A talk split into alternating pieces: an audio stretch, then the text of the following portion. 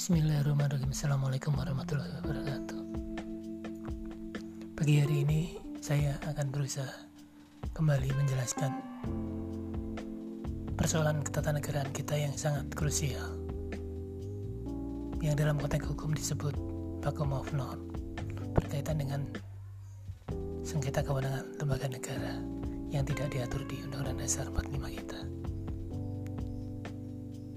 Sebagaimana kita ketahui bersama, pasal 24C ayat 1 Undang-Undang Dasar 45 menyatakan bahwa Mahkamah Konstitusi dalam kaitannya sengketa kewenangan lembaga negara memiliki kewenangan untuk menyelesaikan sengketa kewenangan lembaga negara yang kewenangannya diberikan oleh Undang-Undang Dasar. Jadi prinsipnya sengketa lembaga negara yang kewenangannya diberikan oleh Undang-Undang Dasar merupakan kewenangan Mahkamah Konstitusi. Tapi kalau kita menyadari bahwa lembaga negara kita tidak semuanya tidak semuanya memiliki atribusi kewenangan didasarkan atas Undang-Undang Dasar 1945. Ada lembaga negara yang kewenangannya diberikan oleh undang-undang. Ada lembaga negara yang diberi kewenangan oleh peraturan pemerintah. Ada juga yang diberi kewenangan oleh peraturan presiden, bahkan peraturan menteri sekalipun.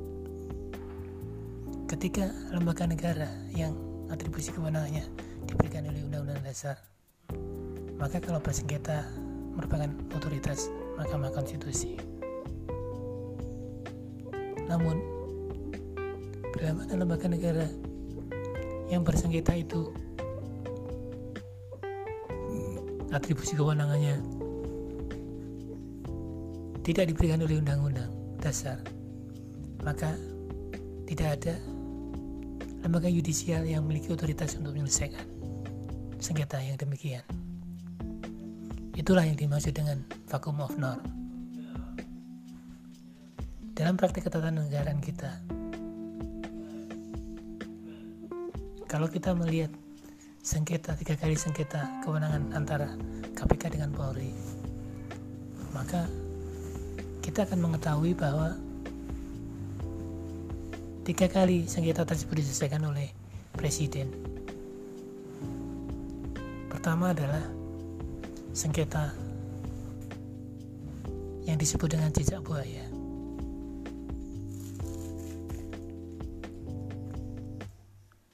Pada saat sengketa jejak buaya itu, presiden yang sedang berkuasa adalah Presiden SBY. Presiden SBY kemudian membentuk tim 8 untuk menyelesaikan sengketa KPK dengan Polri, terutama yang berkaitan dengan penetapan Chandra Bibit, pimpinan KPK menjadi tersangka. Persoalan itu kemudian selesai dengan selesainya sengketa itu menunjukkan bahwa Presiden berusaha menyelesaikan persoalan sengketa kewenangan antara KPK dengan Polri. Jilid 1 yang kedua ketika sengketa KPK dengan Polri yang berkaitan dengan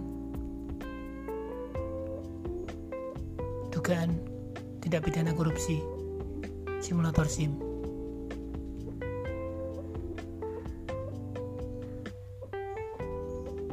ternyata KPK menetapkan perwira tinggi Polri menjadi tersangka dalam kasus itu. Demikian juga Polri menetapkan beberapa orang tersangka sehingga terjadi sengketa kewenangan. Lagi-lagi Presiden SBY menetapkan untuk menyelesaikan persoalan itu. Namun persoalan menjadi agak rumit karena penyelesaian yang dilakukan oleh Presiden SBY bukanlah penyelesaian yudisial. Oleh karena itu, ada beberapa hal yang dipatuhi oleh pimpinan Polri. Ada juga hal yang tidak dipatuhi oleh pimpinan Polri. Misalnya tentang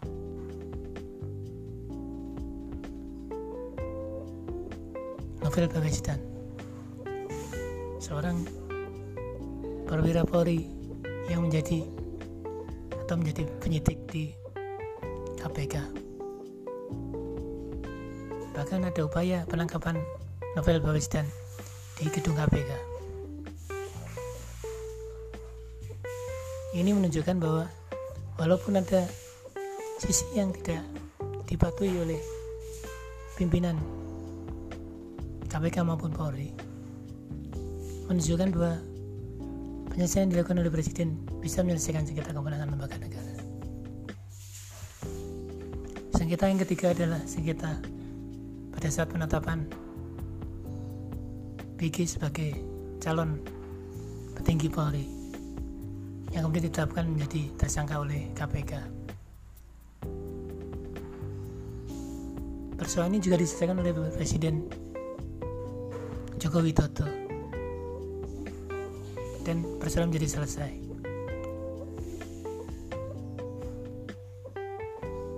Ini menunjukkan bahwa kekosongan hukum yang dicoba diisi oleh Presiden untuk menyelesaikan sengketa kewenangan lembaga negara itu tentu tidak bisa didiamkan terus-menerus. Artinya, perlu ada upaya hukum untuk menyelesaikan sengketa kewenangan lembaga negara yang tidak diatur di Undang-Undang Dasar 45 kita. Saya menawarkan tiga solusi. Yang pertama adalah memberikan kewenangan kepada Mahkamah Konstitusi dengan cara melakukan amandemen pasal 24 C ayat 1 sehingga bunyinya menjadi Mahkamah Konstitusi berwenang menyelesaikan sengketa kewenangan lembaga negara. Titik. Tanpa ada embel-embel yang kewenangannya diberikan oleh Undang-Undang Dasar. Ini kita mencontoh Mahkamah Konstitusi Korea Selatan. Opsi yang kedua adalah memberikan kepada Mahkamah Agung. Mahkamah Agung sementara ini kewenangannya adalah mengadili tingkat kasasi.